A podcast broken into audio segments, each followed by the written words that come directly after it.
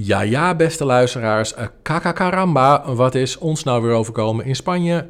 De auto ging naar de vaantjes. Er was geen vervangend vervoer mogelijk. Het werd één grote shitstorm, met name dankzij een bepaald bedrijf genaamd Allianz. In deze podcast ga ik een verslag geven van hetgeen ons is overkomen en bied ik ook meteen vanuit professioneel oogpunt oplossingen, zodat zij er wellicht iets aan hebben. En als jij in het klantcontact werkt, kun je er wellicht ook iets mee. Komt-ie! Je luistert naar de Boston Bay Money Podcast. Wil jij makkelijk en snel rijk worden? Dan is dit niks voor jou. Heb je interesse in geld laten groeien, investeren, vastgoed en sales? En besef je dat dit niet super simpel is, maar dat je er echt iets voor moet doen? Blijf dan luisteren. Iedere week deelt Johnny waardevolle info, zodat jij leert hoe je geld voor jou kunt laten werken. Ready? Let's go! Tof dat jullie allemaal weer luisteren. Vandaag een speciale aflevering van de Money Podcast. Hij gaat niet helemaal over money, moet ik eerlijk zeggen.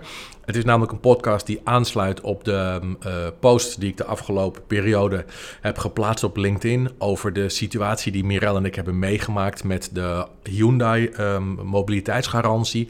In combinatie met Allianz Verzekeringen. Wij kregen autopech in Spanje.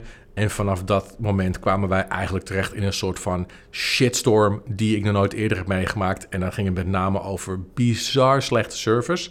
En uh, eigenlijk alle fouten die gemaakt kunnen worden, die zijn in deze business case ook gemaakt. En ik heb een achtergrond in de sales en de hospitality.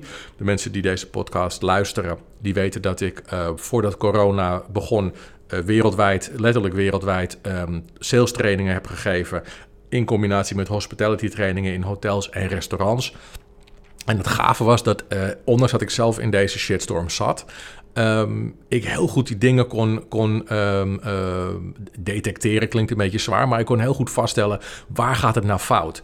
En ik vond dat super leerzaam, omdat ik denk, nou, ik ga heel veel dingen meenemen in mijn nieuwe training. Omdat soms, ik ben er nu achter gekomen dat soms ik, uh, ik bepaalde uh, onderdelen van een organisatie eigenlijk, uh, ik verwacht eigenlijk dat ze dat al snappen. En nu bleek heel duidelijk dat zelfs een groot bedrijf als Allianz gewoon hun shit echt totaal niet op orde heeft als het aankomt op, op, op bepaalde onderdelen die te maken hebben met, met sales, hospitality, klantbenadering, verwachtingen scheppen, nou, et cetera. Dus ik denk, ik gooi hem um, in een podcast.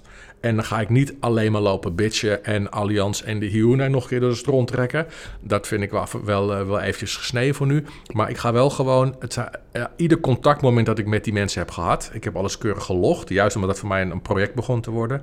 En ik ga per contactmoment, of nee, ik ga een aantal contactmomenten ga ik, uh, ga ik met jullie doornemen. En dan op een bepaald moment, moment, geef ik aan wat er gebeurt. En dan zal ik ook adviezen geven. Dus als je werkzaam bent in de hospitality of in de sales, dan is dit een hele leuke podcast. Omdat je dingen zult herkennen. En wellicht hoor je ook dingen waarvan je denkt van... hé, hey, dit, doen wij, uh, dit doen wij nog niet. Hoe gaaf zou het zijn als wij dit ook uh, kunnen implementeren? Laat ik beginnen bij het begin. Nogmaals, dit is, geen, dit is niet om nogmaals de Allianz in de Hyundai uh, door de stront te trekken. Want ik heb op LinkedIn heb ik al een, een, een, weergave gegeven van de situatie. En zij hebben daar ook op gereageerd.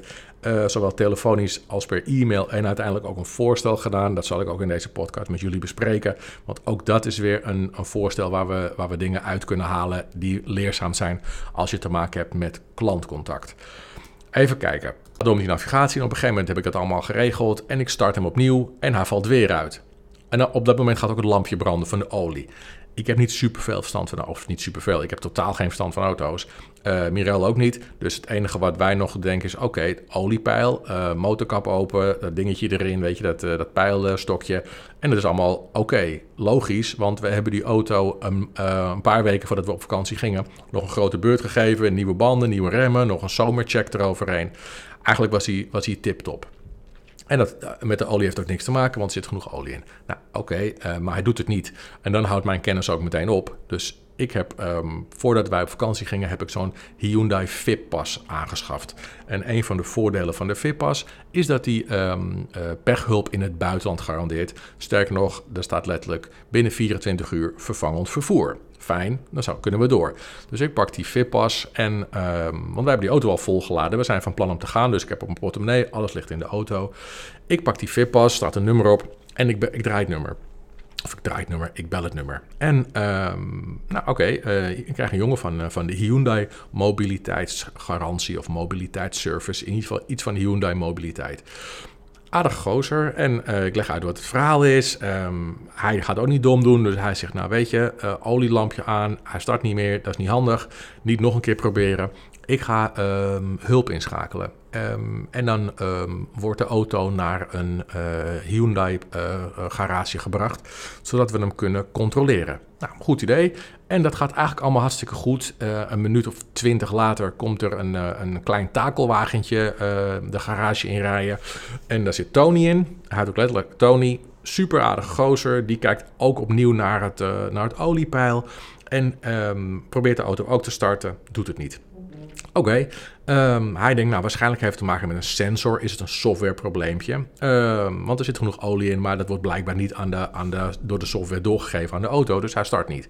Nou, zijn takelwagentje is een klein beetje te klein om uh, die Hyundai op te zetten. Dus hij belt zijn maatje, Manuel. Die heeft een grotere uh, oplegger, zal ik maar even zeggen. En uh, met zijn kleine autootje wordt die Hyundai uit de garage getakeld. Nou, redelijk gênant, uh, lieve luisteraars, want het is eenrichtingsverkeer daar, een heel klein straatje in Saragossa. Ook geen hele kleine stad. Dus er staat een mega file. En ondertussen wordt die Hyundai wordt, uh, de garage uitgetakeld. Mirel staat het nog te filmen, weet je. Instagram-worthy, zullen we maar zeggen. Op het filmpje is er nog een Spanjaard zo druk met kijken dat hij op zijn muil gaat. Nou, een, een, een, vertoning. En uh, uiteindelijk wordt die uh, auto op die, op die grote oplegger gezet. En Manuel heeft het adres doorgekregen van de Hyundai waar die naartoe moet. Nou, door corona kunnen niet Mirel en ik allebei in de, in de grote auto mee naar, het, naar de Hyundai garage. Want er mag maar één iemand in de auto zitten. Ik spreek een beetje Spaans, dus het is het handigste dat ik meega. En Mirel die uh, blijft in het hotel achter. En op dat moment denken we nog dat we uh, de auto met een paar uurtjes weer terug hebben. En dan kan Mirel of in de tussentijd met de taxi ook naar de garage komen, of ik haal haar weer op. Zo zitten we nog in de wedstrijd. Vervolgens worden we dus al keurig naar de, naar de Hyundai garage gebracht. Er staat een heel, heel groot Hyundai Service Center op de gevel. Nou, ik happy, Manuel happy. We rollen die auto, wordt van die, van die oplegger afgerold. Hij doet het nog steeds niet. En um, logischerwijs zul je denken, maar ik, ik benoem het expliciet, want er komt nog een hele gekke twist aan. En um, nou prima, de auto wordt, uh, wordt naar binnen gerold, de jongens kijken ernaar en zij zeggen na ongeveer een half uurtje van, um, ding gaat het niet meer doen, we moeten, we moeten onderdelen bestellen, waarschijnlijk een pomp. Hij pompt de olie niet naar de, naar de motor, maar dat duurt twee weken voordat het uh, binnenkomt. Nou, ik ga geen twee weken in Saragossa blijven, want we zijn op doorreis en we hebben afspraken in, in Girona. Dus ik denk, nou, dit is wel een goed moment om um, opnieuw te bellen met die uh, Hyundai uh, VIP-nummer pasachtige situatie, met die mobiliteitsgarantie. Want ik heb vervoer nodig. Op dat moment is alles nog heel relaxed. En um, ik denk dat ik gewoon gedekt ben door mijn partner, de Hyundai in dit geval. Um, ik bel en eigenlijk krijg ik in no time van de dame te horen dat er geen vervangend vervoer mogelijk is allerlei excuses in verband met corona, weinig auto's in het buitenland. Nou, ik, ik hoor één lang verhaal, maar wat ik niet hoor is enige vorm van empathie. Ik sta daar in the middle of nowhere in een van de op een of ander industrieterrein met 40 graden zon op kanen, zonder airco. Me kapot te irriteren dat mijn auto het niet doet. Dat is heel, heel irritant. Um, ik weet ook niet wat er nu precies gaat gebeuren. Ik weet alleen dat ik mijn auto voorlopig niet, uh, niet heb. Dus ik heb vervangend vervoer nodig. Want ik moet eigenlijk die avond, of ik, Mirel en ik, moeten die avond alleen Girona zijn. Want daar is onze eerste afspraak. Ik heb al snel door, dat gaat hem waarschijnlijk niet worden. Nou, deze dame aan de telefoon uh, moet steeds overleggen met andere collega's. En stelt allemaal vragen waar ik, waar ik, die totaal niet relevant zijn. Ik denk om tijd te rekken. En uh, puntje bij paaltje vraagt ze, stelt ze eigenlijk wel een vraag waar we iets aan hebben. Waar bevind je je? Nou, ik geef dat aan en zij zoekt in haar systeem. En dat hele Hyundai Service Center staat niet in het systeem.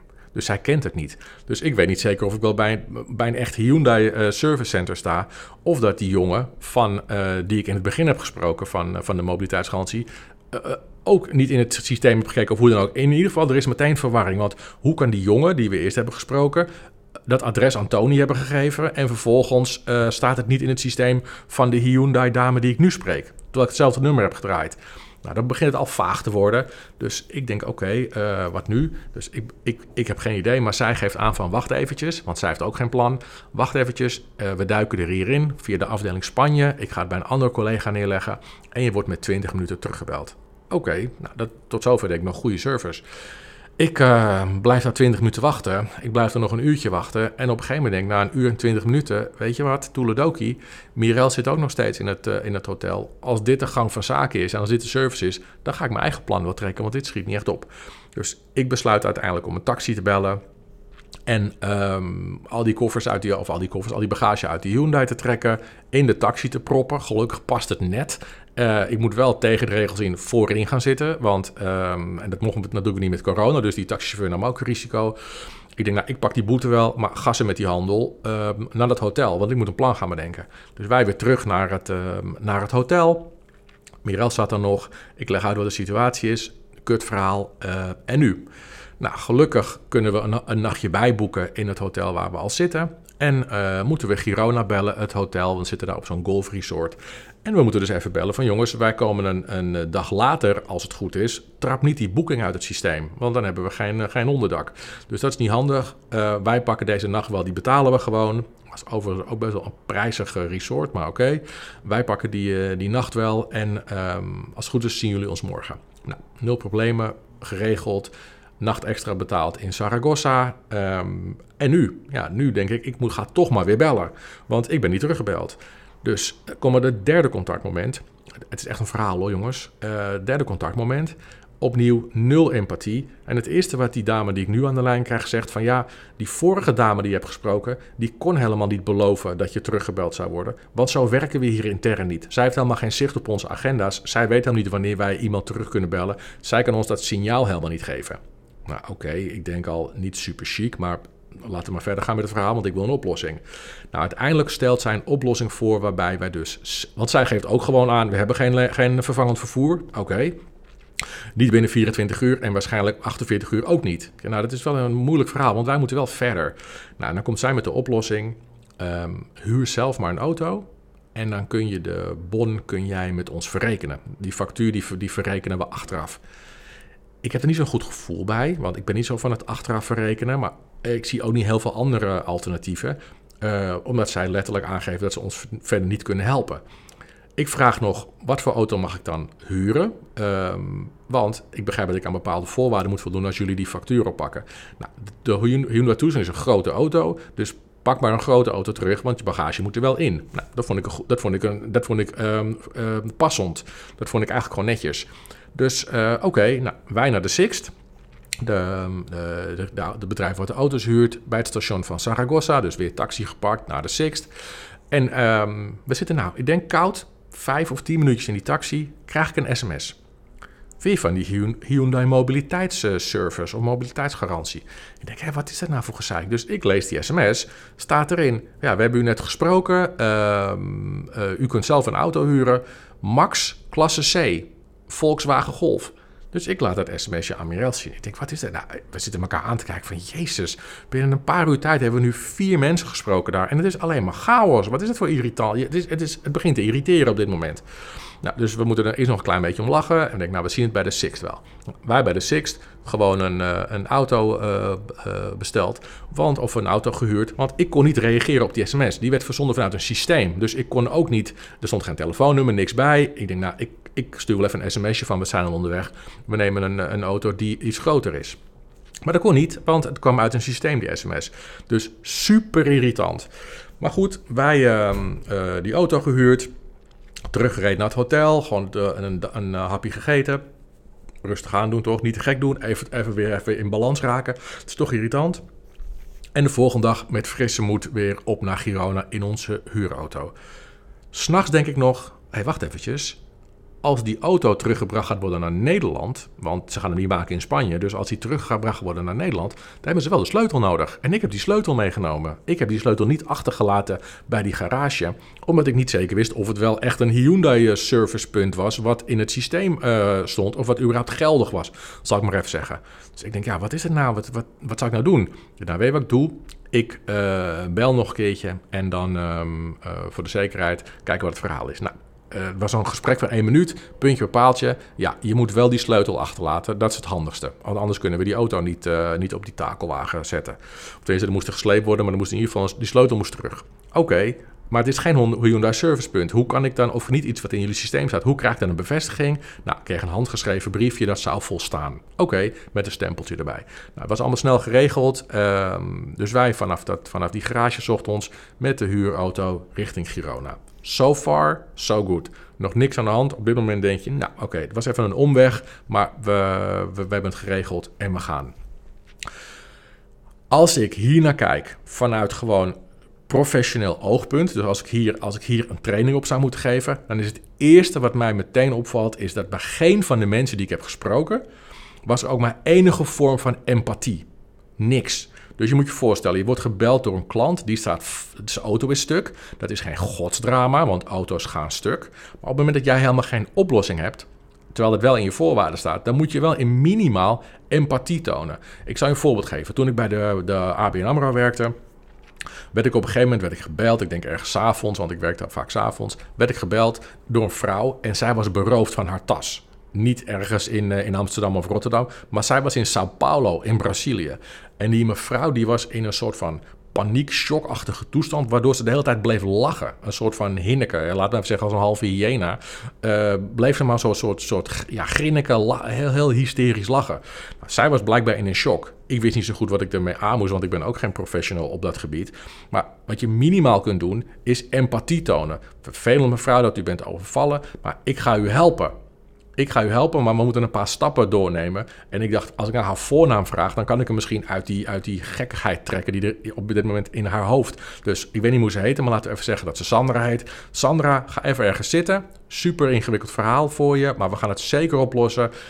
Balen dat is gebeurd, maar als we zo meteen klaar zijn met het gesprek, dan kun je weer een heel eind verder. Laten we beginnen met je pas blokkeren en daarna ga ik je wat vragen stellen. Neem iemand mee, toon empathie.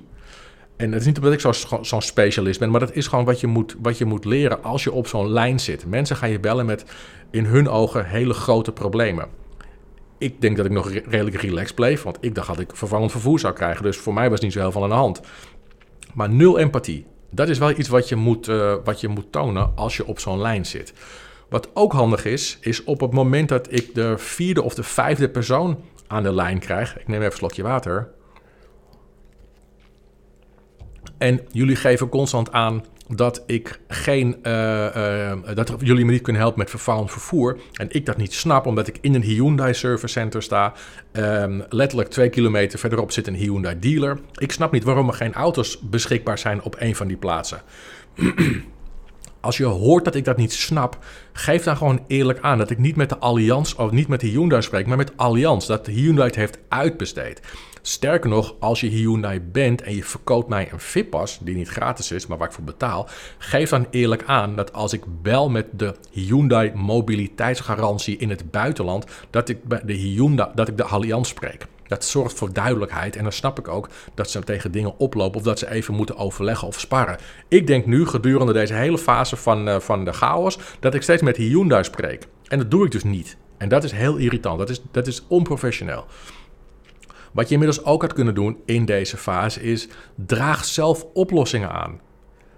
zodat ik merk dat jullie meedenken. Weet je, dat, dat we aan dezelfde kant staan. Dat we, dat ik een soort, dat we een soort mini-partnershipje zijn opgestart. Ik heb een probleem. Jullie zijn de specialist. Toon je specialisme en je daadkracht. En help me, ontzorg me. En neem me mee in hetgeen je gaat doen. Dat werd helemaal niet gedaan. Geen enkele, geen enkele uh, verhaal met betrekking tot um, uh, uh, me meenemen. Of zeg van nou, we gaan even wat vragen stellen. Daarna kunnen we dit en dit en dit. Niks. Helemaal niks van dit. Die oplossing die me werd, uh, werd aangeboden, die was zo vaag dat ik haar maar moest vertrouwen. Dat is wat ze steeds gaf. Of steeds aangaf. Ja, vertrouw me maar dat het goed komt.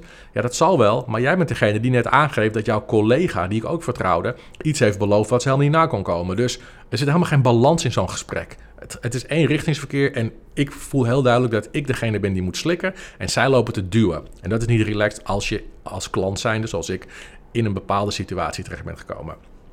Wat je ook nooit moet doen, is zeggen dat iets niet kan.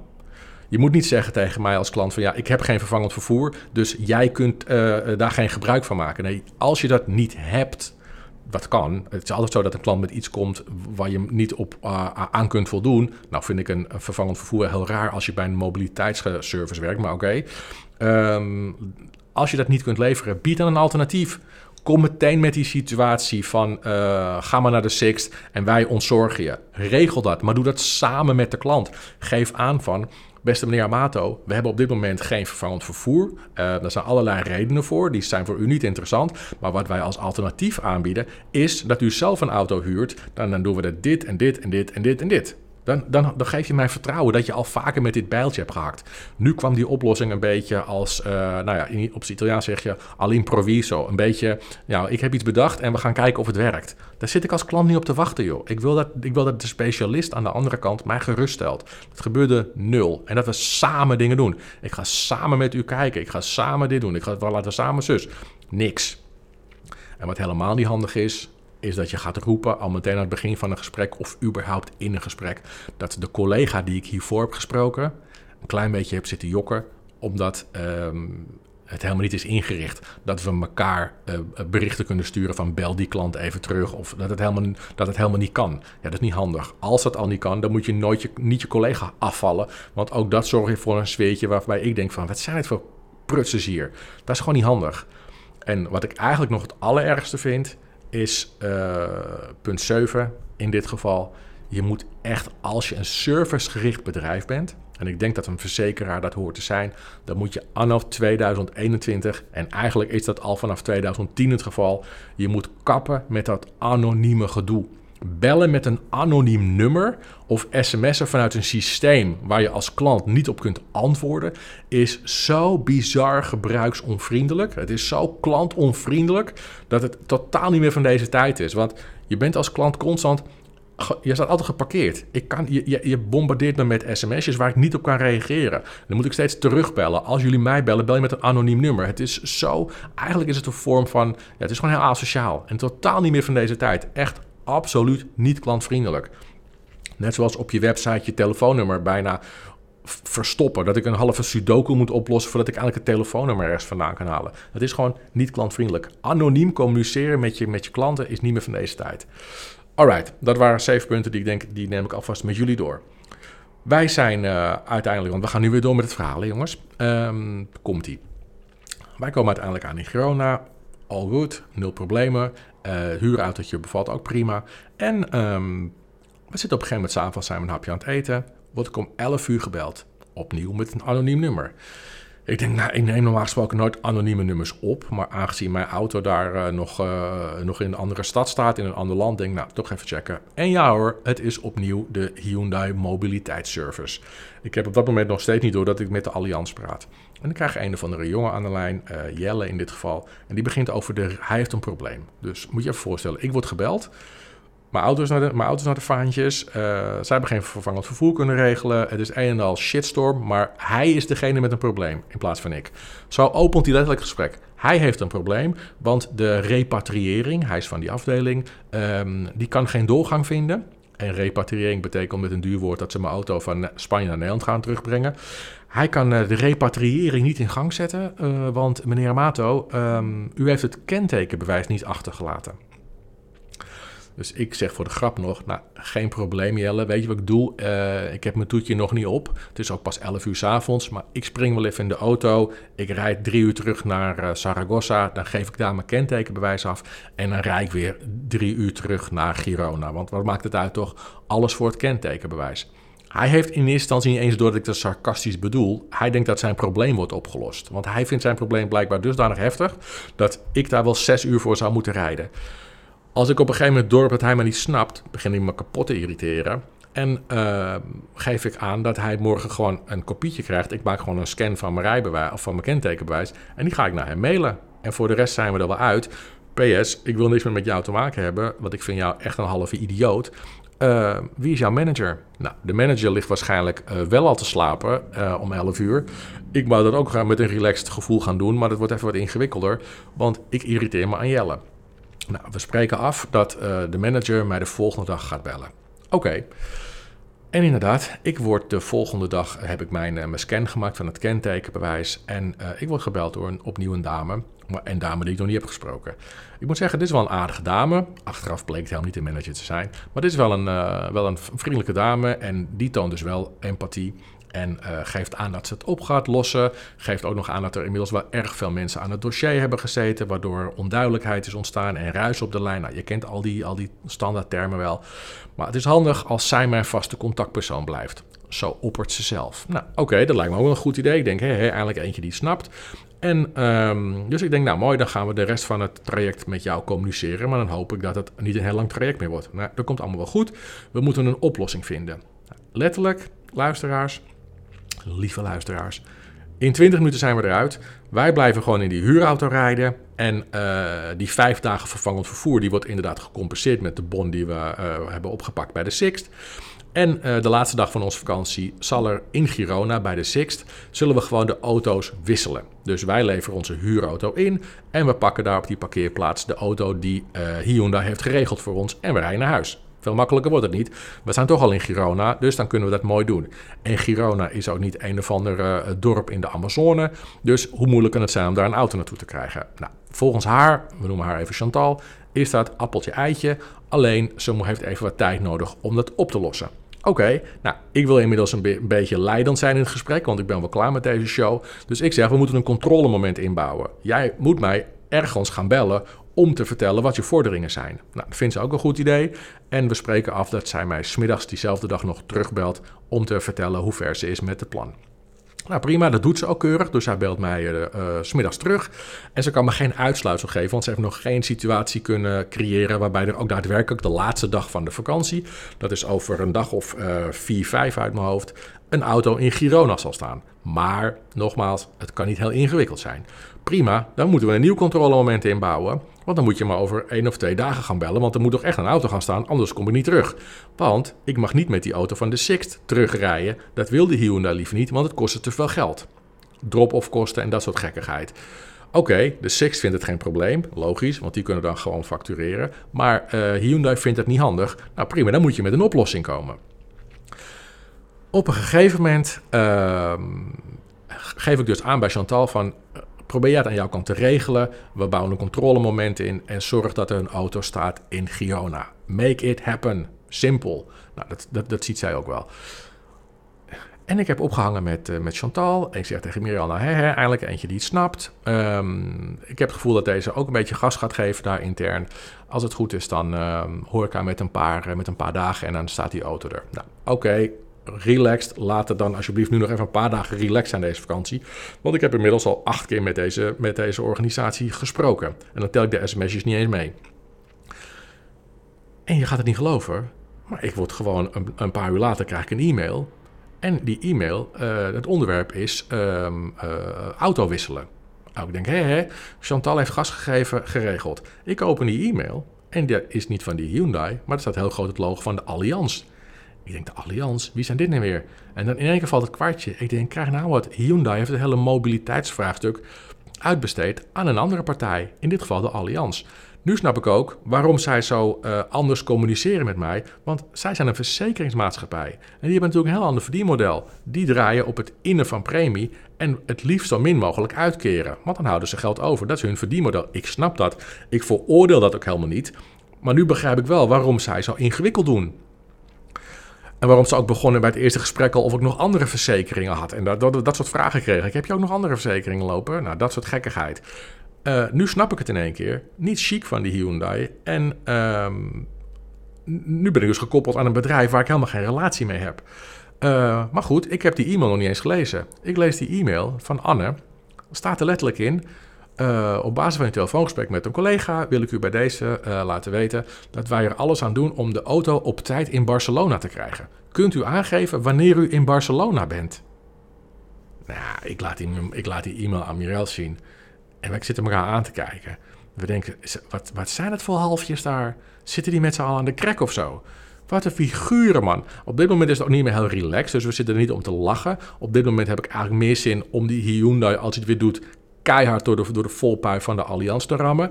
Want ik begin een beetje, uh, laat ik het zo zeggen, mijn temperament begint een beetje op te spelen. En ik wil eigenlijk gewoon mensen neerknuppelen. Maar goed, dat lukt niet, want ik ben uh, op afstand en ik weet ook niet eens waar ze zitten. Maar ik voel een soort agressie in me opkomen, een soort kill mode. Want nu voel ik me in de zij genomen en totaal niet meer serieus genomen. Nou, als we kijken vanuit professioneel oogpunt wat hier allemaal fout gaat, is het eerste wat fout gaat, is die knurft van een Jelle met zijn gejank om dat kentekenbewijs. Op het moment dat jij mij belt en je hebt het dossier gelezen, en dan ga ik even vanuit dat het gelogd is, maar dat weet ik niet zeker. Als jij het dossier hebt gelezen, dan moet jij je voorbereiden op vragen die van mijn kant gaan komen. En niet als ik aangeef bij hem van oké, maar moet ik nou jouw probleem gaan oplossen? Ik ga niet nu terug naar, uh, naar, uh, Zaragoza. Dan moet hij niet met zijn, want dat deed hij dus, dan moet hij niet met zijn, uh, met zijn supervisor of wie dan ook gaan overleggen wat we dan moeten gaan doen. Dat moet je van tevoren doen. Je moet je voorbereiden op, op vragen. Falen in je voorbereiding is voorbereiden op falen. Heel simpel, Jelle. Je moet je shit op orde hebben voordat je mij om 11 uur s avonds voordat ik mijn toetje op heb, komt lastigvallen met gezeik over een kentekenbewijs. Je had zelf ook even kunnen bellen met de vraag: luister, kun jij eventjes een scan maken van je kentekenbewijs of een foto? Want dan kan ik die auto voor je regelen, want we zijn het in gang aan het zetten. Dan is de conclusie van het gesprek hetzelfde, alleen het klinkt veel enthousiaster, want dan weet ik dat ik nog eventjes iets moet doen, dat jij je zaken op orde hebt en dat vervolgens het proces in werking gaat, gezet gaat worden. Mijn auto komt naar Nederland. Dat geeft me een veel fijner gevoel dan deze gekkigheid die jij allemaal hebt uitgekraamd. Wat ook niet handig is, is dat je inmiddels een persoon of elf aan dat dossier hebt laten knabbelen. Wat je moet doen als je in zo'n organisatie werkt, dat moet je ook echt gewoon doen als organisatie, werk met buddy systemen. Zet één of max twee mensen op een dossier twee contactpersonen, zodat als de een op vakantie is of ziek wordt of whatever, de ander het over kan nemen. Werk gewoon met buddy systemen en niet elf losse mensen gewoon op een systeem zetten of op een dossier zetten. Dat zorgt alleen voor chaos. En dat hebben we nu dus ook live meegemaakt. Een puinhoop. Wat ook niet handig is, is als je mensen in dienst hebt die grammaticaal of in het niet heel erg goed in het Nederlands, dat je die belast met de correspondentie naar buiten, naar klanten. Kijk, dat je intern op een chat zit of naar elkaar mailt, dat snap ik allemaal wel als het vol zit met spelfouten. Maar als jij naar buiten gaat communiceren, naar klanten, en je hebt mensen op de afdeling zitten die niet super goed zijn in Nederlands, om wat voor reden dan ook, dan moet je die mails naar een centraal punt laten gaan. Daar wordt gecontroleerd voordat het naar de klanten gaat. Je moet geen sms'jes en e-mails sturen met spelfouten. Super onprofessioneel. En wat je ook moet doen, en dat is gewoon super, dat is gewoon echt handig je moet deel uitmaken van het proces dat de klant doormaakt. Dat is natuurlijk moeilijk als je elf verschillende mensen op een dossier hebt neergepleurd. Maar als je het klein houdt, dan kun je als afdeling of als contactpersoon deel uitmaken van het proces dat de klant doormaakt op het moment dat je oppert van huur zelf maar je eigen auto, dan moet je daar achteraan meteen vertellen. En als je die bon hebt, stuur die dan gelijk even deze kant op. Dit is het e-mailadres of dit is het WhatsApp-nummer wat je kunt gebruiken. Scan even die bon, dan pakken wij die bon op en dan vergoeden wij die alvast. Want nogmaals, jullie zijn degene die geen vervangend vervoer kunnen regelen. Jullie hebben een probleem gecreëerd voor mij als klant zijnde. Los het dan ook as we go, dus al gedurende het proces voor me op. Voor hetzelfde geld had ik niet, zat ik niet zo lekker in mijn slappe was. En moest ik nu bovenop de kosten die ik al maak in de vakantie. nog even lekker 1500 euro aftikken voor een huurauto. Misschien had dat wel. Uh, heel veel impact gehad op mijn financiële situatie. Misschien had ik wel geld moeten lenen daarvoor. Je weet nooit wie je aan de lijn hebt. Kijk, voor ons is het geen probleem, maar uh, het had wel een groot probleem kunnen zijn als je, als je gewoon niet zo lekker in je, in je, als je van je vakantiegeld op vakantie gaat, dan is in één keer 1500 euro voor een huurauto een hele serieuze hap. Dan moet je dus als serviceverlenend bedrijf ervoor zorgen dat je as we go gedurende het proces alvast bezig bent met ontzorgen. En niet achteraf. Van ja, achteraf gaan we verrekenen. Nee, gek. Johnny, als rij jij maar naar de Sixt, pak die auto op, die factuur, die stuur je gelijk door. En gedurende jouw vakantie zullen zien dat we dat bedrag al gelijk met je hebben verrekend. Dat is service. Oké, ik neem een slokje water, want we gaan inmiddels naar contactmoment nummer 10. Want dit is nog lang niet afgelopen, beste luisteraars. Um, als je zoiets hebt van, mijn god, waar gaat dit naartoe? We zijn ongeveer op de helft. Ik neem nog een slokje water.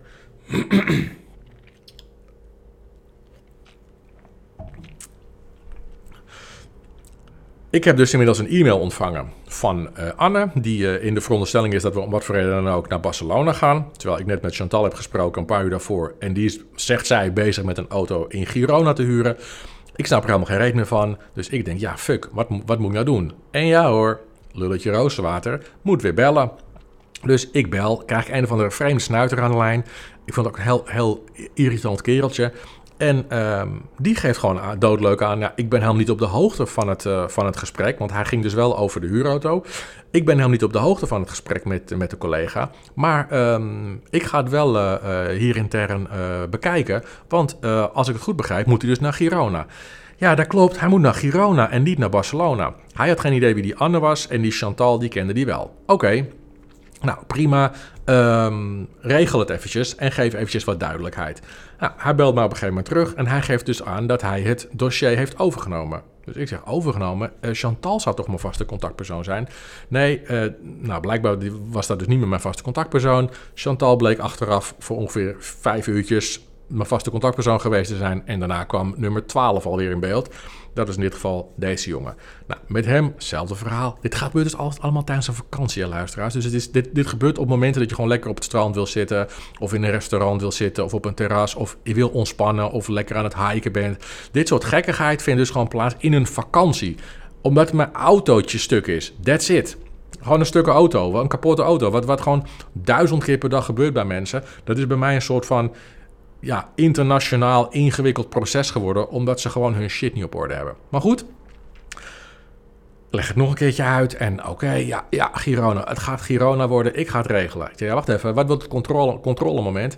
Ik zorg dat ik het regel, zegt hij, en dan ehm, geef ik je eventjes een, eh, een bel of eh, ik stuur je een e-mail. Oké, ik hoor niks van die gozer.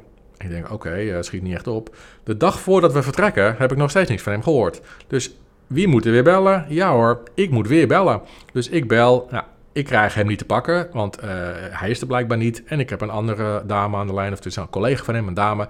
En zij zegt, ik zeg, waarom heb ik niks van die hem gehoord? En zij zegt gewoon doodleuk. Echt, dat is echt een, een, echt een doodzieke fuck you, vol, vol naar je klant.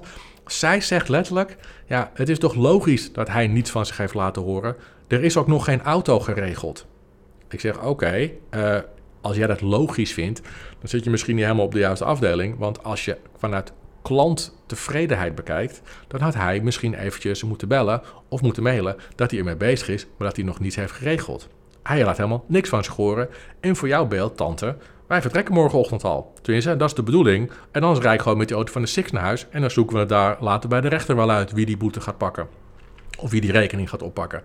Nou, uh, het is helemaal niet onder de indruk. Uh, uh, je moet niet zo daar komt het op neer. morgen is alles geregeld, no problemo. Ik denk, nou weet je, fuck you. Ik denk al, ik pleur gewoon die huurauto vol en ik rij gewoon, morgen rijd ik gewoon naar huis met die huurauto. En ze zoeken het maar lekker uit, toeledoki. En er zit hier ook een Six, dus ik kan hem hier ook gewoon inleveren. Maar er ontstaat een wonder. S'nachts, dus letterlijk, de, ik vertrek over een paar uur naar Nederland, maar s'nachts weer een sms. Weer uit het kutsysteem. En wat staat er in de sms? Morgen staat er een huurauto klaar, een internationale huurauto klaar in Blanes. Ik denk, Blanes? Ik moet naar boven, ik wil naar, ik wil naar huis en van Girona naar Amsterdam is omhoog. Niet naar beneden, Blanes is naar beneden, 40 minuten. Dus het is nu geen Girona, geen Barcelona, maar Blanes geworden. Ik denk, nou weet je, ik geloof het allemaal wel. Uh, fuck it, ik ga niet eens moeilijk doen. Uh, midden in de nacht check ik nog eventjes via uh, Maps het adres. En ik kan het adres niet vinden. Wel de straat, maar het adres klopt niet. Ik nou, fuck it. We rijden morgen gewoon die kant op. Ik ga ook niet meer zeiken. Uh, of zeiken, ik ga niet ingewikkeld meer doen. We rijden naartoe, Moos, en we zien het wel. Dus uh, Mirella en ik zochten ons uh, naar, die, naar die plek. We zien ergens het bedrijf. Bedrijfsnaam achteraf stond verkeerd in en het adres ook. Dus lekker handig, maar oké. Uh, er zat wel weer een Hyundai-dealer in de buurt. Dus wij naar die Hyundai-dealer gereden en gevraagd aan hem die sms laat zien van... waar zou dit eventueel kunnen zijn? Het moet hier ergens in de buurt zijn als die straat klopt. En hij zoekt met ons mee op de computer en hij, uh, ook Google Maps, hij zegt misschien is het dit gebouw. Gelukkig was dat pand maar een minuutje of twee rijen van het uh, waar, we, waar we nu zaten, bij die Hyundai-dealer. Wij er naartoe bleek inderdaad het, uh, het, het bedrijf te zijn, alleen er stond geen auto voor ons. Dus ik denk op dat moment al, mijn god, hier gaat echt never nooit een einde aan komen. Hebben jullie die film U-Turn gezien? Waarbij een jongen strandt met een auto in een of ander vaag dorp. En dat dorp zit een beetje vol met gekkies. En ze willen eigenlijk niet dat hij weggaat. Uh, niet omdat ze hem zo leuk vinden, maar, omdat ze freak zijn. Nou, zo voelde ik me een beetje. Het is een film met uh, Billy Bob Thornton en Jennifer Lopez. Het is best wel een vette film, maar super frustrerend. Want iedere keer als hij denkt dat hij eindelijk weg kan, dat die auto wordt gerepareerd, dan uh, blijkt er weer iets aan de hand te zijn. En dat, ze saboteren de situatie. Nou, zo erg was het bij mij niet, maar ik voelde me ook alsof ik in U-turn zat. Dat ik gewoon helemaal knettergek ging worden daar. Nou, dus ik de situatie uitgelegd en die mevrouw, laten we haar even Maria noemen, achter die balie, die wist helemaal van niks. Dus zij zei, maar ik heb hier wel een auto staan, uh, die is nog alleen nog niet gewassen. Um, en ik heb hier staan dat hij dat wel uh, na ene opgehaald zou worden door iemand. Maar misschien zijn jullie dat wel. Ik zei, nou, ik weet niet naar ene, want zij zei expliciet naar ene.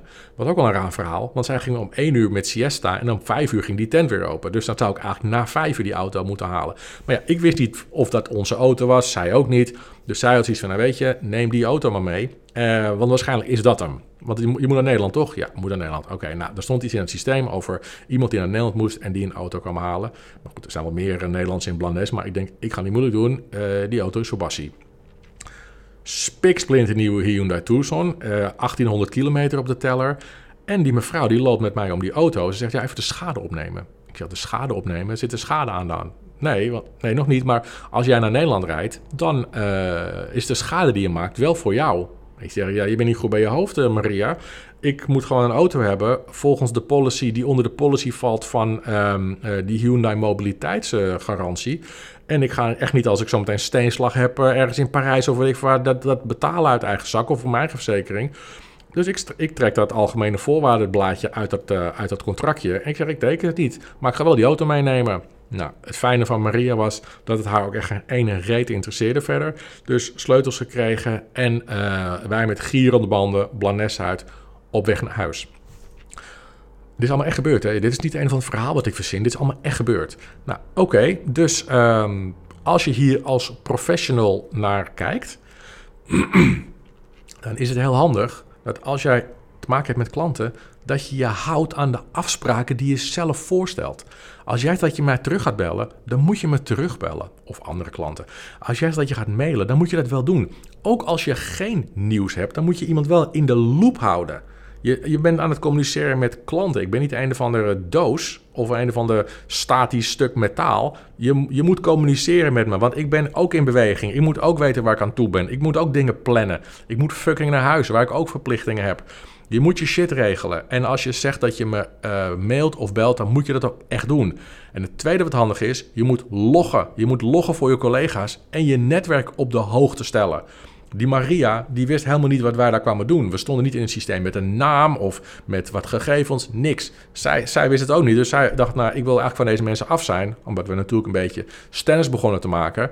En uh, ze vond het voor de rest ook wel gesneden. Super slecht gecommuniceerd. Dus niet alleen naar ons als klant zijnde, maar ook naar je eigen netwerk maak je er een chaos van. Dat zal later nog een keer gebeuren overigens. Maar dit, we zijn nu nog in Spanje. Nou, wij inmiddels in die auto. Ik denk, uh, Jesus Christ, wegwezen hier. Nou, wij cruisen, appetij, andere auto ingeleverd en uh, rammen met die handel. Dus wij vol gas uh, richting Nederland. Op een gegeven moment, twee dagen later zijn we in Nederland.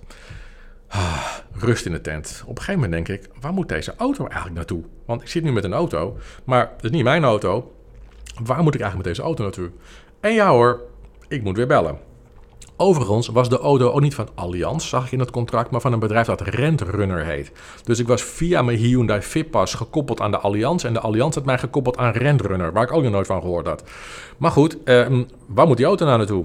Dus ik moest weer bellen. Um, Allianz gesproken en het meisje aan de lijn zegt letterlijk tegen mij: Je moet even op de website kijken van Rentrunner. Want dan kun je zien waar die, waar die plekken zijn waar je uh, die auto kan inleveren, waar de adressen zijn. Dus ik zeg tegen haar: Weet je wat jij moet doen? Jij moet even lekker op die website kijken, want ik hang nu toch aan de lijn. Het is jullie partner. Als je een beetje klantvriendelijk bent, dan check jij dat even voor me. Nou, dat zag ze niet zo, dus ik heb op uiteindelijk opgehangen en ik ben zelf gaan zoeken. En gelukkig, we hadden eindelijk een gelukje. Uh, het zat een rentrunner, althans een, inleverplek, uh, uh, of een inleverpand, of weet ik hoe je dat zegt, in Almere. Ik denk, oh lekker, dat is in de buurt. Dus um, hup, wij met, uh, vanaf huis, en wij wonen ook in Almere, naar uh, dat, dat bedrijf toe, of naar, naar, die plek toe. En ik, het was vlakbij, maar er stond niks van rentrunner of zo op de gevel. Dus ik loop naar binnen. zitten twee gasten, wel aardige gasten. Een beetje buurman en buurmanachtige situatie. Allebei zo'n fluor oranje pak. En ehm, ze namen het super serieus, dus dat was wel heel fijn. Ik kom een auto inleveren. Oh, ze lopen ook allebei met me mee naar buiten. Vet schattig. Eh, ze waren, ik denk dat ze de hele dag geen reet doen hebben, maar dat maakt niet uit. Maar ze namen het super serieus en dat is wel heel leuk.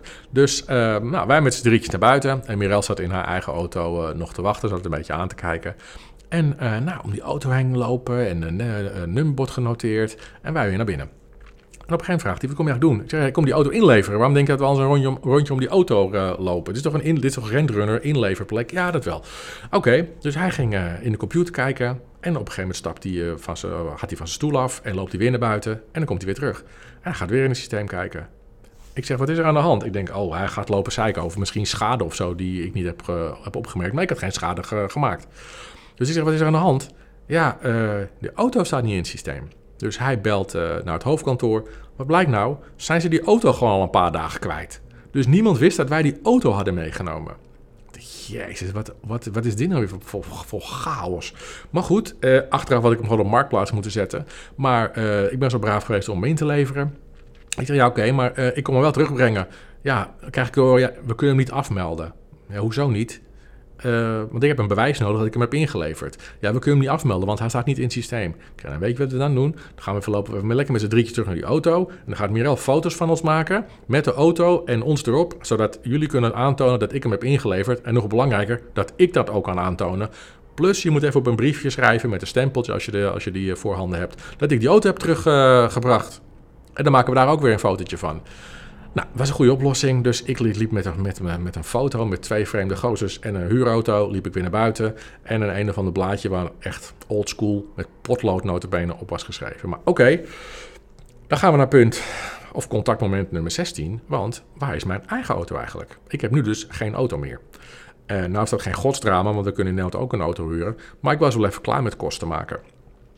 Dus ik bel uh, wederom naar de Allianz om te vragen: waar is mijn eigen auto?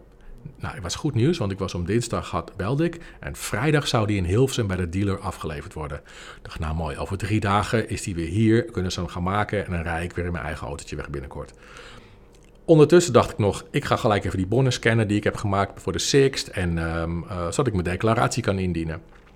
Ik heb het allemaal gedaan. Ik gebeld van waar moet ik het eigenlijk naartoe mailen? Krijg ik te horen dat, dat, dat die afspraak over die declaratie voor de eigen huurauto niet in het systeem staat. Sterker nog, als ik gebruik had willen maken van vijf dagen vervangend vervoer, had ik die Hyundai Tucson die ik net heb ingeleverd nog drie dagen extra moeten, moeten gebruiken. Ik zei ja, dat, dit hoefde ik niet, want ik ben alweer in Nederland. Uh, en ik heb nu even op korte termijn niet eens een auto nodig. Dus het gaat mij erom dat jullie die, die bon oppakken voor die Sixt huurauto. Nou, dat kon allemaal niet. Nou, toen flipte ik. En dan komt hij.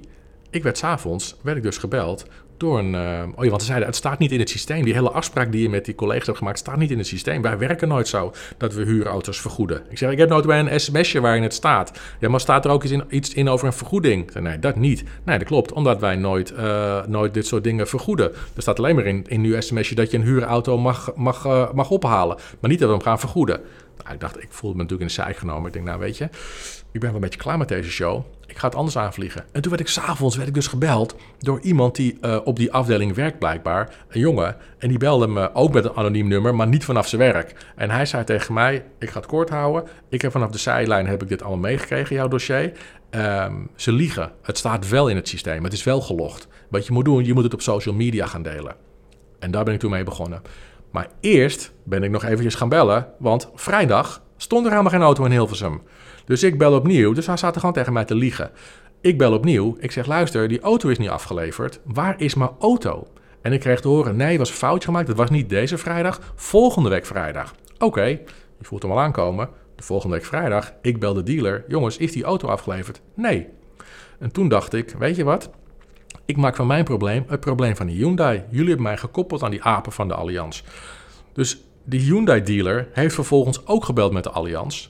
En die werd echt onbeschoft geholpen. Dus die belt mij terug van luister, ik probeer... Zij werken notabene voor ons, voor Hyundai. Maar ik word ook asociaal behandeld. Ik heb het idee dat ze niet weten waar jouw auto is. Ze zeggen nu dat die ergens volgende week wordt afgeleverd. Ze zeggen dinsdag of woensdag. Ik zeg, nou, dan wachten we het gewoon eventjes af. En dan kijken we of die daar is. En ik ga ondertussen op social media aan de gang. Want ik ben er wel klaar mee met deze shitshow. Professioneel gekeken, want we komen aan het einde. Professioneel gekeken is, moet je eigenlijk altijd, dat geldt zowel voor de dealer, maar ook voor de allianz. Je moet zorgen, als ik in deze puinzooi terecht ben gekomen en ik ben inmiddels al thuis en je hebt nog steeds niks kunnen regelen voor me, regel dan een leenauto. Denk met me mee in het proces. Maar omdat de allianz niet communiceert met de Hyundai en de Hyundai niet met de allianz, ben ik ergens in het midden terechtgekomen. Nog even los van dat, dat zij mijn eh, declaratie niet wilden betalen. Maar de Hyundai had eigenlijk al meteen moeten zeggen... wij weten ook niet waar onze partner die auto heeft gelaten... maar in de tussentijd heb je een leenauto. Denk mee. Je moet op dit moment, als je al weet... je ziet in het dossier dat je het niet goed aan het doen bent. Je bent een puinhoop aan het creëren, dat zie je als manager zijnde of als supervisor zijnde of wat ik wat. Dan moet je een extra stap zetten om mijn klantverwachtingen weer A recht te breiden en eigenlijk te overtreffen. Je moet iets doen wat ik in eerste instantie niet meer verwacht op basis van het track record wat je hebt achtergelaten bij me. Had meteen een leenauto voor me geregeld. En het allerbelangrijkste is, en dat is ook het afsluitende gedeelte voor voor het professionele advies, zou ik maar even zeggen. Leid je fucking werknemers op. Leid ze op. Niets is zo armoedig als slecht opgeleid, ongemotiveerd personeel.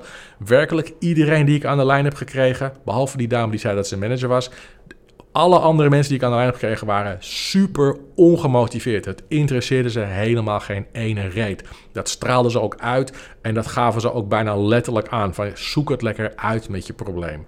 Maar je moet je werknemers opleiden. Als je professioneel over wil komen, dan moet je in ze investeren. Je zult altijd zien dat werknemers in iedere, in iedere sector, in iedere branche, in ieder bedrijf, als je niet investeert, dan worden ze apathisch. En dan interesseert het zich helemaal geen moe meer. Ze hebben geen feeling met het bedrijf. Ze gaan of naar een ander bedrijf of wat ik wat. Je moet investeren in je werknemers. Je moet ze opleiden. Gaan we verder. En we zijn bijna klaar. Want ik ben dus ondertussen op LinkedIn. Hoe lang zijn eigenlijk al bezig? 51 minuten al. Mijn god, ik hoop dat jullie er nog bij zijn. Ik ben inmiddels aan het posten op LinkedIn. En ik probeer met een beetje humoristisch sausje eroverheen... probeer ik elke dag een post te plaatsen over wat ons is overkomen. En in één keer word ik gebeld. Een dame van de Allianz die vindt het niet zo leuk wat er op LinkedIn gebeurt. Uh, maar ze geeft ook gelijk aan van excuses en een puinhoop en bla bla bla. Niet des allianz. En nou, je kent het verhaal wel. Ik was natuurlijk weer de, de, enige die dit ooit was overkomen. Je kent dat soort verhalen wel. Maar goed, um, ze, ze, gaf ook meteen aan van um, als wij dit op een passende manier, manier voor jou oplossen, ben je dan ook bereid om een post op LinkedIn te plaatsen of in je podcast te vermelden Ehm, dat je weer happy bent. Dat we het netjes hebben afgerond. Ik zeg, tuurlijk, zo sportief ben ik wel, maar je moet wel met een goed verhaal komen. Um, nou, zij zou die vrijdag zou ze mij een voorstel, want dit gebeurt allemaal op vrijdag. Zij zou mij, uh, ik sprak haar uh, aan het begin van de middag. En om, uh, voordat ze naar huis ging, zou ze mij een voorstel eh, mailen. Maar ik maakte uit alles op uh, dat zij mijn e-mail die ik had gestuurd naar aanleiding van die declaratie helemaal niet had gelezen. Want daar had ik ook al een, heel, een heel, hele krant vol getypt over hoe, wat de gang van zaken was. Maar ik merkte dat zij dat niet had gelezen. Dus ik dacht al, hoe, waar gaat ze dan haar voorstel op baseren? Maar oké, ik denk, voor hetzelfde geld zijn ze knettergek. En willen ze van me af zijn en komen ze met een, met een gigabedrag. Maar nee, er kwam vrijdag helemaal geen voorstel. Ook netjes. Ehm, en de volgende, volgende week, de week daarop, ergens op een uh, maandag of dinsdag, werd ik door iemand anders gebeld. Dit keer een meneer. Dus ze zagen wel die post inmiddels uh, voorbij komen. Het werd reuren. Ik kwam wat reuring op LinkedIn. Ze werden getagd, et cetera. Vindt het natuurlijk niet cool. En uh, een meneer belt. Nou, die meneer die gaf aan dat hij de manager was van die dame die mij eerst had gebeld over het voorstel. Dat er nog niks was gebeurd, want ze hadden nu pas de e-mail binnengekregen, bla bla bla, via de Hyundai. Zelf had hem niet gelezen, dus die Hyundai moest hem blijkbaar doorsturen naar hun, want ik had maar iedereen gestuurd uiteraard. En um, nou, vrijdag zou, zou er echt een voorstel komen. Vrijdag zou er een voorstel komen. Ik kijk Mirel al aan, weet je, want ik had hem op de speaker gezet. En Mirel dacht echt van, jezus, je zou voor die hut werken. Wat een chaos daar, man. Werkelijk iedere fase van het traject is verwarrend. Er, loopt niks gestroomlijnd daar. Maar, je gaat het niet geloven, er komt gewoon vrijdag een voorstel. Via de e-mail, dus deze meneer had zich aan zijn afspraak gehouden. En hij was ook de manager, dus ik neem aan dat hij dat wel vaker doet. En uh, hij had zich aan zijn afspraak gehouden. En het voorstel was als volgt. Uh, meneer Amato, um, la, uh, heel zuur voor u wat er anders gebeurt, excuses. Maar, dat moet je nooit doen, maar de, de, de redenen waarom het gewoon uh, niet zo soepel is gelopen, is uh, het volgende. En hij zei letterlijk: Ik wil u graag een inkijkje achter de schermen geven. Nou, het ene excuus na het andere excuus werd in die e-mail genoemd.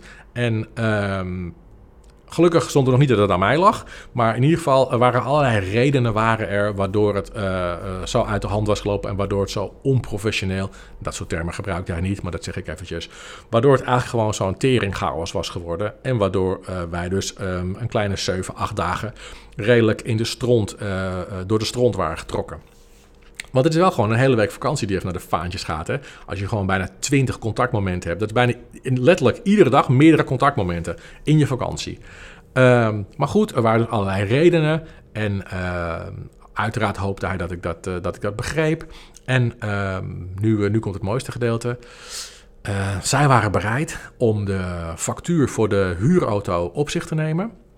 En ook de extra nacht in Saragossa die wij moesten boeken, uh, die, de, het is van 120 euro, die wilde zij ook uh, betalen. En dat was al, stond er expliciet, meer dan dat de voorwaarden van die Hyundai eigenlijk dekte.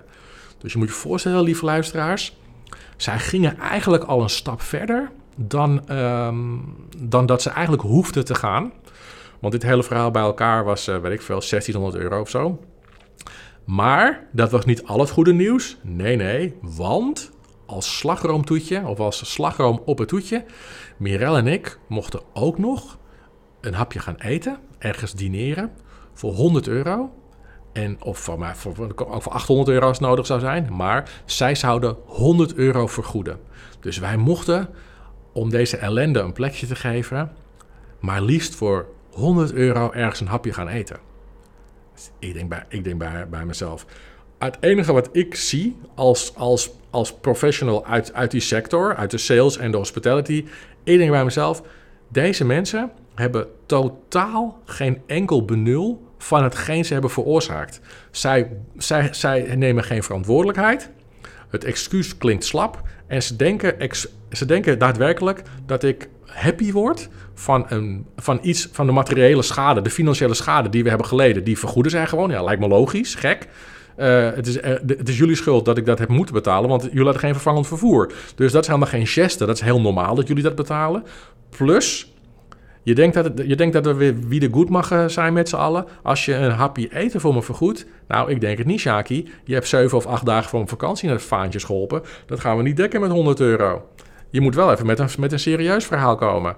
Dus ik heb gewoon keurig een e-mail teruggestuurd van... Nou, jullie weten een beetje hoe ik, hoe type dat ik het toch een klein beetje anders zag. En uh, ik begrijp dat het heel ingewikkeld is om een bedrag te hangen aan een negatief gevoel, wat wij hebben ondervonden. Maar uh, ik stel toch voor dat ze nog even een poging gaan wagen. Niks meer op gehoord. En het zal me ook niet verbazen als ik er niks meer ooit op hoor. Want dat is een beetje hoe die tent met mij is omgegaan de afgelopen periode. Kijken we vanuit professioneel oogpunt hiernaar, dan is het heel simpel. Je moet nooit aan een ontevreden klant gaan uitleggen waarom iets verkeerd is gegaan. Dat heeft voor mij helemaal geen meerwaarde. Het enige wat je, wat je bij mij uh, uh, veroorzaakt, is een gevoel dat jij zwak bent. Want jij gaat nu een soort excuses bedenken waarom ik een probleem heb gehad, dankzij jullie. Dus dat is, komt heel zwak over. En het lijkt ook alsof je de schuld afschuift op de omstandigheden. Ook iets wat niet heel professioneel overkomt. Weet je, own it. Zeg gewoon van oké, luister, we hebben gewoon, we, we, we zijn gewoon, dit is gewoon business. Business is business en soms gaan dingen verkeerd. U heeft de pech gehad, of jij hebt de pech gehad, dat er een, een is ontstaan. Fucking vervelend voor u. Echt, echt serieus vervelend. Gelukkig gebeurt het niet bij al onze klanten, maar u heeft gewoon alle pech gehad. De reden waarom het verkeerd is gegaan, ligt ook bij ons. Gaan we u niet mee, mee uh, vermoeien. We gaan het compenseren. En zet een serieuze stap extra die past bij het ontstaande probleem. Ga jij nou, ga jij nou echt, denk jij nou echt dat acht dagen ellende en stress en narigheid en onzekerheid wordt gedekt met een dinerbonnetje van 100 euro. Ik geef dinerbonnetjes van 100 euro weg als iemand een money quiz wint. Dat slaat er helemaal nergens op. Je bent, je bent een miljoenenbedrijf of een miljardenbedrijf en je komt aankakken na acht dagen ellende met een hapje eten voor 100 euro. Nou, daar, ben je, daar sta je niet helemaal waterpas geestelijk als je denkt dat dat de lading dekt juist door, zo, door te lowballen, door zo'n lowball aanbieding te doen, laat je blijken dat je het probleem nog steeds bagatelliseert. jij denkt dat 100 euro gelijk staat aan de ellende die wij hebben doorgemaakt, dankzij jou. Weet je, en dat bevestigt alleen maar meer dat jouw organisatie onprofessioneel in elkaar steekt. Ik heb het nu even over de Allianz, maar welke, welke organisatie dan ook. Je bevestigt letterlijk, wij werken voor een onprofessionele organisatie. En wij proberen, zelfs in deze situatie, proberen wij met een minimale aanbieding jou eventjes aan de kant te schuiven. Weet je, van hier, ga maar een hapje eten en nu niet meer piepen. Zo komt het over. En ik denk zelf dat als je voor een organisatie werkt die piept en kraakt vanwege bijvoorbeeld een te snelle groei, of omdat je onlangs hebt moeten bezuinigen, of omdat je juist geen investering hebt gedaan en je nog een beetje antieke ICT-systeem hebt, of whatever. Als je dat hebt, en dat kan, hè, dat kan ook bij start-ups gebeuren, die gewoon te snel groeien, dan gaan er klachten komen. En als je dat van jezelf weet en als je dat onderkent, dan moet je eerlijk naar je eigen organisatie kijken. Dan moet je zorgen dat de stroppenpot dat die ruim gevuld is, zodat je van klachten klanten kunt maken. En in de sales zeggen we altijd dat klachten zijn de allerbeste verkoopkansen. Want dat geeft je de mogelijkheid om iets op te lossen. Bij een klacht kun je echt je expertise tonen. Je kunt laten zien waarom jij beter bent dan de concurrentie. Dat jij echt klaar staat voor je klanten dat is niet voor niks dat grote bedrijven, grote succesvolle bedrijven, die investeren heel veel in klachtafhandeling. Daar zitten de beste verkopers. Kom maar binnen, dat zijn allemaal leads. Mensen met klachten, die kun je, als je het goed doet en je, en je, en je bent professioneel, dan kun je daar klanten van het leven voor maken. Wij kennen allemaal wel een voorbeeld in ons eigen, in ons eigen situatie, privé-situatie, dat we op een bepaalde manier eerst een, klant, een klacht hebben en dan worden we heel professioneel geholpen. En dat, dat blijft hangen van, ik ga nooit meer weg bij dit bedrijf, want als ik problemen heb, lossen zij dat op. Dit is mijn professionele partner, deze trekken samen met mij op. Zij, zij ontzorgen mij. Investeer in je klachtenafdeling, man. En kom niet aan met 100 euro fuckbonnetje en een shit verhaal over waarom de chaos is ontstaan. Dat zit me geen reet. Je had daar een serieus goede manager op moeten zetten of een goede klachtafhandelaar die van mij een klant voor het leven had kunnen maken. Maar die moet je wel, die, dan, moet je daar wel in investeren. Oké. Dat is eigenlijk in het, um, in het, nou ik wil zeggen in het kort, maar het is eigenlijk uh, tering lang, in een uur hoe ik naar, hoe ik naar deze situatie kijk en wat, wat ons is overkomen en hoe je als je dat als je voor een bedrijf werkt waarbij dit soort dingen ook spelen, hoe je dat kunt tackelen. Of als je een bedrijf hebt waarbij dit soort dingen spelen, hoe je de ding, die advies die, je die kunt implementeren. Het is allemaal niet super ingewikkeld. Het is vrij basic. Normaal gesproken gaan we natuurlijk in de training veel dieper, maar dit is vrij basic. Als je dit voor elkaar hebt, dan, dan gaat je klanttevredenheid al omhoog. Investeer in die klachten, want daar zit, daar zit een heel businessmodel voor jou als bedrijf. Daar kun je heel veel goede, uh, goede leads uithalen. Wat ook handig is, en dit duurt nog vijf minuten en dan gaan we hem afronden. Als jij op een lijn werkt waarbij je contact hebt met klanten, open het gesprek dan altijd met het verhaal dat je samen met de klant iets gaat oplossen. Benadruk altijd het samen. Meneer, mevrouw, goed dat u belt. Ik onderken uw probleem. We gaan het samen oplossen op een klachtenlijn zitten mensen altijd in een negatieve flow. Niet de werknemers, maar de mensen die bellen. Zitten altijd in een negatieve flow. Dus probeer het, dat al in het gesprek om te buigen. En een soort in de ellende een soort silver lining te vinden. Wat het eerste meisje die ik sprak toen ik in die garage stond, in die Hyundai-garage in Saragossa, en die stinkhitte, wat zij had moeten doen, ik ben negatief, want mijn auto is stuk, ik heb het heet, ik wil een oplossing. Wat zij had kunnen doen, ik ga u helpen, ik ga een aantal vragen met u doornemen, Misschien dat niet iedere vraag even relevant klinkt voor u, meneer Amato, maar ik heb, dit al vaker met dit, ik heb al vaker met dit bijltje gehakt we moeten dit proces even door. PS, voordat we beginnen, wat voor weer is het bij u? Dan had ik gezegd van nou, het is hier stinkheet, zonnetje, bla bla bla. Dan had zij kunnen zeggen, nou, dan is daar nog het enige positieve in dit hele verhaal, want hier regelt het al drie weken dan breek je even mijn negatieve flow. En dan denk ik, oké, nou, dat is wel een puntje. Ik sta er weliswaar uh, met, een, met een auto die stuk is, maar we gaan het samen oplossen. Zij is in de regen en ik sta in ieder geval nog in het zonnetje. Benadruk dan opnieuw dat je het samen met de klant gaat doen en vertel over de stappen die je zet. Dus meneer Amato, wat we nu gaan doen, ik ga nu voor u dit. Daarna gaan we samen dit. Als u tussendoor vragen hebt, dan dit. Bouw meteen aan het partnership met de klant en neem hem mee in het proces, zodat we het samen doen. Super belangrijk als je contact hebt met klanten als het gaat om dit soort dingen. Ook als het gaat om grote contracten of klanten die vragen hebben. Neem ze mee in het proces. En als het negatief is, zoek naar een soort silver lining. Net als die dame in Brazilië, die werd overvallen. Ik neem je mee. Mevrouw, ik zie dat u heeft ingebeld met, het, met uw rekeningnummer. Ik heb al meteen goed nieuws. Ik begrijp de situatie heel negatief, maar ik kan al meteen goed nieuws met u delen. Ik heb uw bankpas geblokkeerd. Dus er wordt geen geld van uw rekening afgeschreven door eventuele boeven of criminelen. Oeh, dat zorgt al gelijk voor rust. Dus we zitten in een kutsituatie, maar ik heb het eerste probleem al getekeld en vanaf nu gaan we verder. Heel belangrijk om dat te onthouden. Wat ook belangrijk is, ik zal een voorbeeld geven in New York. Um, geef, geef ik training in een restaurant. Of in, uh, in, uh, in uh, het is ook in een Michael Kors winkel bijvoorbeeld. Of bij Ralph Lauren. Overal waar je komt in New York, zegt het, het personeel, of je nou in een winkel bent, of in een restaurant, of in een hotel, openen altijd het bal met How are you? Dat doen ze niet omdat ze echt super geïnteresseerd zijn in jou, maar omdat ze alvast een contactmoment maken. Boom, hey, how are you? Aan jouw antwoord kunnen zij al zien in wat voor flow jij zit. Als jij geen antwoord geeft, dan betekent dat het vervolg direct anders insteken. Als jij zegt, I'm fine, how are you? Dan, zit je, dan heb je al te maken met een andere insteek.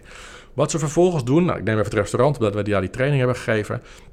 How are you? Is het niet zomaar heeft een functie, een eerste contactmoment. Vervolgens stellen ze zich voor. Dus je gaat zitten aan de tafel. Zo'n jongen of zo'n meisje komt naar je toe. Die stelt zich voor. Hi, I'm Derek. Of hi, I'm, I'm uh, weet ik veel, uh, Shania. Of hoe ze dan ook heet. I'm Dylan. Um, Oké, okay, hi Dylan, how are you? Nou oké, okay, nogmaals, allemaal cool. Um, leg uit wat de service is. Dit is mijn kwadrant. U zit, uw tafel bevindt zich in mijn kwadrant. Dat betekent dat ik vandaag verantwoordelijk ben of vanavond verantwoordelijk ben voor de bediening aan uw tafel. Uh, en als u vragen heeft, dan sta ik daar en laat zien waar je staat. Dat doe je met, aan de telefoon doe je dat aan de, uh, door de stappen door te nemen. In real life kun je dus inderdaad jezelf voorstellen. Je legt uit wat de service is. Wat jij verantwoordelijk bent voor het kwadrant waar, uh, waar die tafel zich in bevindt. En vertel waar je staat als er vragen zijn. Zodat de klant altijd weet welke kant hij op moet kijken om jou te vinden. En sluit af met een servicegerichte vraag. Een soort van controlemoment. Kan ik nu al iets voor u doen? Ja of nee? Makkelijk, niet ingewikkeld doen. Wat ook belangrijk is, is uh, dat sluit aan op dat verhaal van je moet nooit zeggen dat iets niet kan. Op het moment dat wij een training geven in Stockholm bijvoorbeeld, um, in een hotel, dan zijn daar klanten die achteraf of tijdens hun verblijf suggesties hebben of dingen voorstellen. Als je iets niet kunt, geef dan in ieder geval aan dat de suggestie die zij hebben of het, het voorstel dat zij doen, dat dat een goed idee is. Als je het niet kunt aanbieden, geef dan aan wat het alternatief is of hoe jullie dat normaal gesproken doen. En sluit ook opnieuw weer af met de controlevraag. Bijvoorbeeld, nou, uh, goed idee wat u aangeeft. U, uh, u zou het fijn vinden als wij dit, dit voor u zouden kunnen regelen. Op dit moment hebben wij dat op een andere manier ingericht. Wij doen het namelijk op deze manier. Is, is dat een alternatief dat voor u ook positief klinkt? Bij ja is er overeenstemming. Klanten willen vaak gewoon gehoord worden. Ze hebben een suggestie of een idee. En het feit dat jij daar serieus mee omgaat, is voor, is voor veel klanten al genoeg. En op het moment dat je een alternatief aangeeft en, en vraagt of zij daar ook positief over denken, dan zul je zien dat ze vaak ja zeggen. Opgelost. Stel nou dat ze nee geven. Geef dan aan dat je sowieso streeft naar 100% klanttevredenheid en dat je aan de gang gaat met hun voorstel of suggestie. En stel daarbij altijd opnieuw een controlevraag als ik hier vragen over heb, zou ik u daar dan eventjes over aan uw jasje mogen trekken? Dan voelt een klant zich ook gelijk belangrijk. Je geeft aan dat je het idee goed vindt, dat je het nog niet hebt geïmplementeerd, maar dat je er wel serieus mee aan de gang gaat. En je vraagt of je tijdens dat proces misschien even met de klant mag klankborden om te kijken of je op de, op de lijn zit die de klant voorstelt. Dan voelt een klant zich opnieuw serieus uh, uh, genomen. Ik zal je voorstel, een voorbeeld geven wat bijvoorbeeld bij Boston Bay speelt. Bij Boston Bay, uh, wij groeien snel. En wij uh, hebben, hebben in het begin gezegd, oké, we willen mensen die kiezen voor een maandelijks abonnement of voor een jaarlijks abonnement. Het zijn altijd jaarabonnementen, maar wil je het maandelijks betalen of wil je het in één keer betalen? De meeste mensen betalen in één keer, maar er zijn ook veel klanten die hebben gezegd, nou, of klanten, veel, veel boels, die hebben gezegd, weet je, ik wil, ik begin, ik wil eerst kijken wat het is. Ik doe het, ik doe het gewoon per maand. Dat komt mij gewoon beter uit. Um, nou, oké, prima. En die zijn nu een paar maanden ver. En die geven nu aan van, John, ik wil eigenlijk mijn, maandelijkse betaling omzetten naar het in één keer betalen. Ja, en dat is aan de achterkant, hebben wij dat niet getackeld in de back-office. Wij, zijn, wij hebben niet geanticipeerd op die vraag. Na elf maanden kun je weer opnieuw kiezen of je het per maand of per jaar wil doen. Maar tussentijds hebben wij, daar, hebben wij helemaal geen rekening gehouden met die vraag. Maar het is wel een goed idee. En omdat er... Even slokje. En omdat meer boels het aangeven, bijna alle boels die maandelijks betalen, willen eigenlijk liever jaarlijks betalen. Ehm, dus wij moeten dat implementeren. Want het is ook wel een goed idee. Dit is ook een toevoeging als wij dat kunnen, kunnen aanbieden. Maar het is wel een hele dure aanpassing. Want er moet echt voor gescript worden, voor geschreven worden. En zoals je weet, dat zijn vaak niet de jongens die voor een paar tientjes per uur werken. Dus het is, een heel, het is best wel, het heeft, heeft impact op meerdere facetten van de back-office. Dus ik geef aan van op dit moment hebben we dat nog niet. Maar het is wel een hele goede suggestie. Ik kan zelfs niet eens een heel goed alternatief bieden. Maar wat ik wel kan doen is aangeven dat we ermee aan de gang, gaat, mee aan de gang gaan. En jullie gedurende het proces op de hoogte houden van de vorderingen. Is dat een antwoord waar je mee kunt leven? Ja, zij geven allemaal aan van ja, dat is een antwoord waar we mee kunnen leven. Nou, inmiddels is het proces voortgezet. En, uh, of is in gang gezet. En kunnen wij, uh, um, en kunnen wij dat binnenkort aan, uh, aan de boels gaan presenteren, zodat zij het kunnen omzetten. Dus ook al kan het niet, geef dan in ieder geval een alternatief of geef aan dat je ermee bezig bent of dat je het gaat implementeren. Maar je moet nooit zeggen, ja nee, dat kan niet. Dat kan niet. Dat is niet handig. En dat is iets wat Allianz een paar keer heeft gedaan met dat vervangend vervoer. Het kan niet. Je moet zorgen dat het iets wel kan. Niet, niet, niet op het probleem focussen, maar op de oplossing focussen. Nou jongens, dit is volgens mij een van de langste podcasts die ik ooit heb gemaakt. Nogmaals, het was niet de bedoeling om uh, Allianz of Hyundai door de, door de stront te trekken. Maar omdat het zulke concrete praktijk en ook recente praktijkvoorbeelden zijn. En we ook uh, vaak werken in, uh, in functies waarbij we klantcontact hebben. Dacht ik van nou weet je, ik kan nu ehm, een, een negatieve ervaring omzetten in iets positiefs voor de mensen die, die luisteren. Dus niet alleen maar schoppen, maar ook met, met oplossingen komen. Dus ik hoop dat jullie dit een leuke, leuke podcast vonden. Even wat anders dan wat we normaal doen, maar op zich wel uh, misschien wel een keer een leuke nieuwe insteek. um, wat het misschien wel geestig is om te doen, ik ga jullie op de hoogte houden, zowel via LinkedIn als via de, via de podcast. Sowieso via de podcast, want ik heb gezien dat nou, ruim 80% van de luisteraars heeft niet eens een LinkedIn-account. Dus, uh, en ik wou het niet via Instagram doen, want dat wil ik echt sec houden voor aandelen en, uh, en investeringen. Dus ik ga jullie sowieso via de podcast op de hoogte houden van of Allianz en Hyundai überhaupt nog met een oplossing gaan komen. Want dit ben ik nog helemaal vergeten te vertellen. Op een gegeven moment is die auto natuurlijk in Nederland. En ik word gebeld door de Hyundai en uh, door de manager van, uh, van de dealer, want van de Hyundai Nederland heb ik nooit meer wat gehoord. Maar de dealer wel, die probeert mij te helpen. En die zegt tegen mij, Jan, je gaat het niet geloven, maar we zijn een beetje in verwarring hier. Dus ik denk, oh nee, weer verwarring, wat nou dan? Ik zeg, wat is er dan? Hij zegt, nou, uh, die auto wordt op de oplegger hier naartoe gereden. En uh, hij wordt van de oplegger afgerold. En een monteur gaat in de auto zitten en rijdt jouw auto gewoon de garage in. Ik zeg, rijdt de garage in? Hoe dan? Hij zegt, ja, die auto doet het gewoon. Ze hebben gewoon rondjes gereden door heel Hilversum die hele dag. En de auto deed het gewoon. Er was niks aan de hand met die auto. Nou, inmiddels, dat, dat was natuurlijk een heel raar verhaal. Omdat ik uh, met twee andere mensen heb geprobeerd om te starten, ging niet eens aan. Dus inmiddels hebben ze er nog langer in gereden. En hij is daar nu ook in een coma gegleden. Hij gaat nu ook niet meer aan daar. Dus er is iets met die auto aan de hand. Ik heb inmiddels ook een leenauto van de dealer gekregen. Maar ik ben heel benieuwd uh, hoe uh, Hyundai Nederland, die tot nu toe alles heeft afgeschoven op de Allianz. In de vorm van mailtjes. Uh, ligt al bij de partner, ligt al bij de partner. Die gaat het oplossen met u. Nou, de Allianz is met, met het slappe voorstel gekomen. Ik heb uh, aangegeven dat ik het fijn zou vinden als ze nog een keer terug gaan naar de tekentafel. Ik hou jullie op de hoogte hoe ze, dit, uh, hoe ze dit gaan oppakken. En ik beloof, als ze daadwerkelijk met een passend voorstel komen, dan zal ik dat hier ook delen. Zo sportief moeten we zijn. We moeten nu niet alleen maar bitchen, maar dan moeten we ook sportief zijn. Dat ga ik ook zeker doen. Dan ga ik vertellen uh, hoe het voorstel eruit ziet en um, dat ik happy ben. En misschien zit er nog iets bij van, weet ik veel, waar, dat ze nog iets willen uitleggen of dat ze de podcast hebben gehoord of whatever.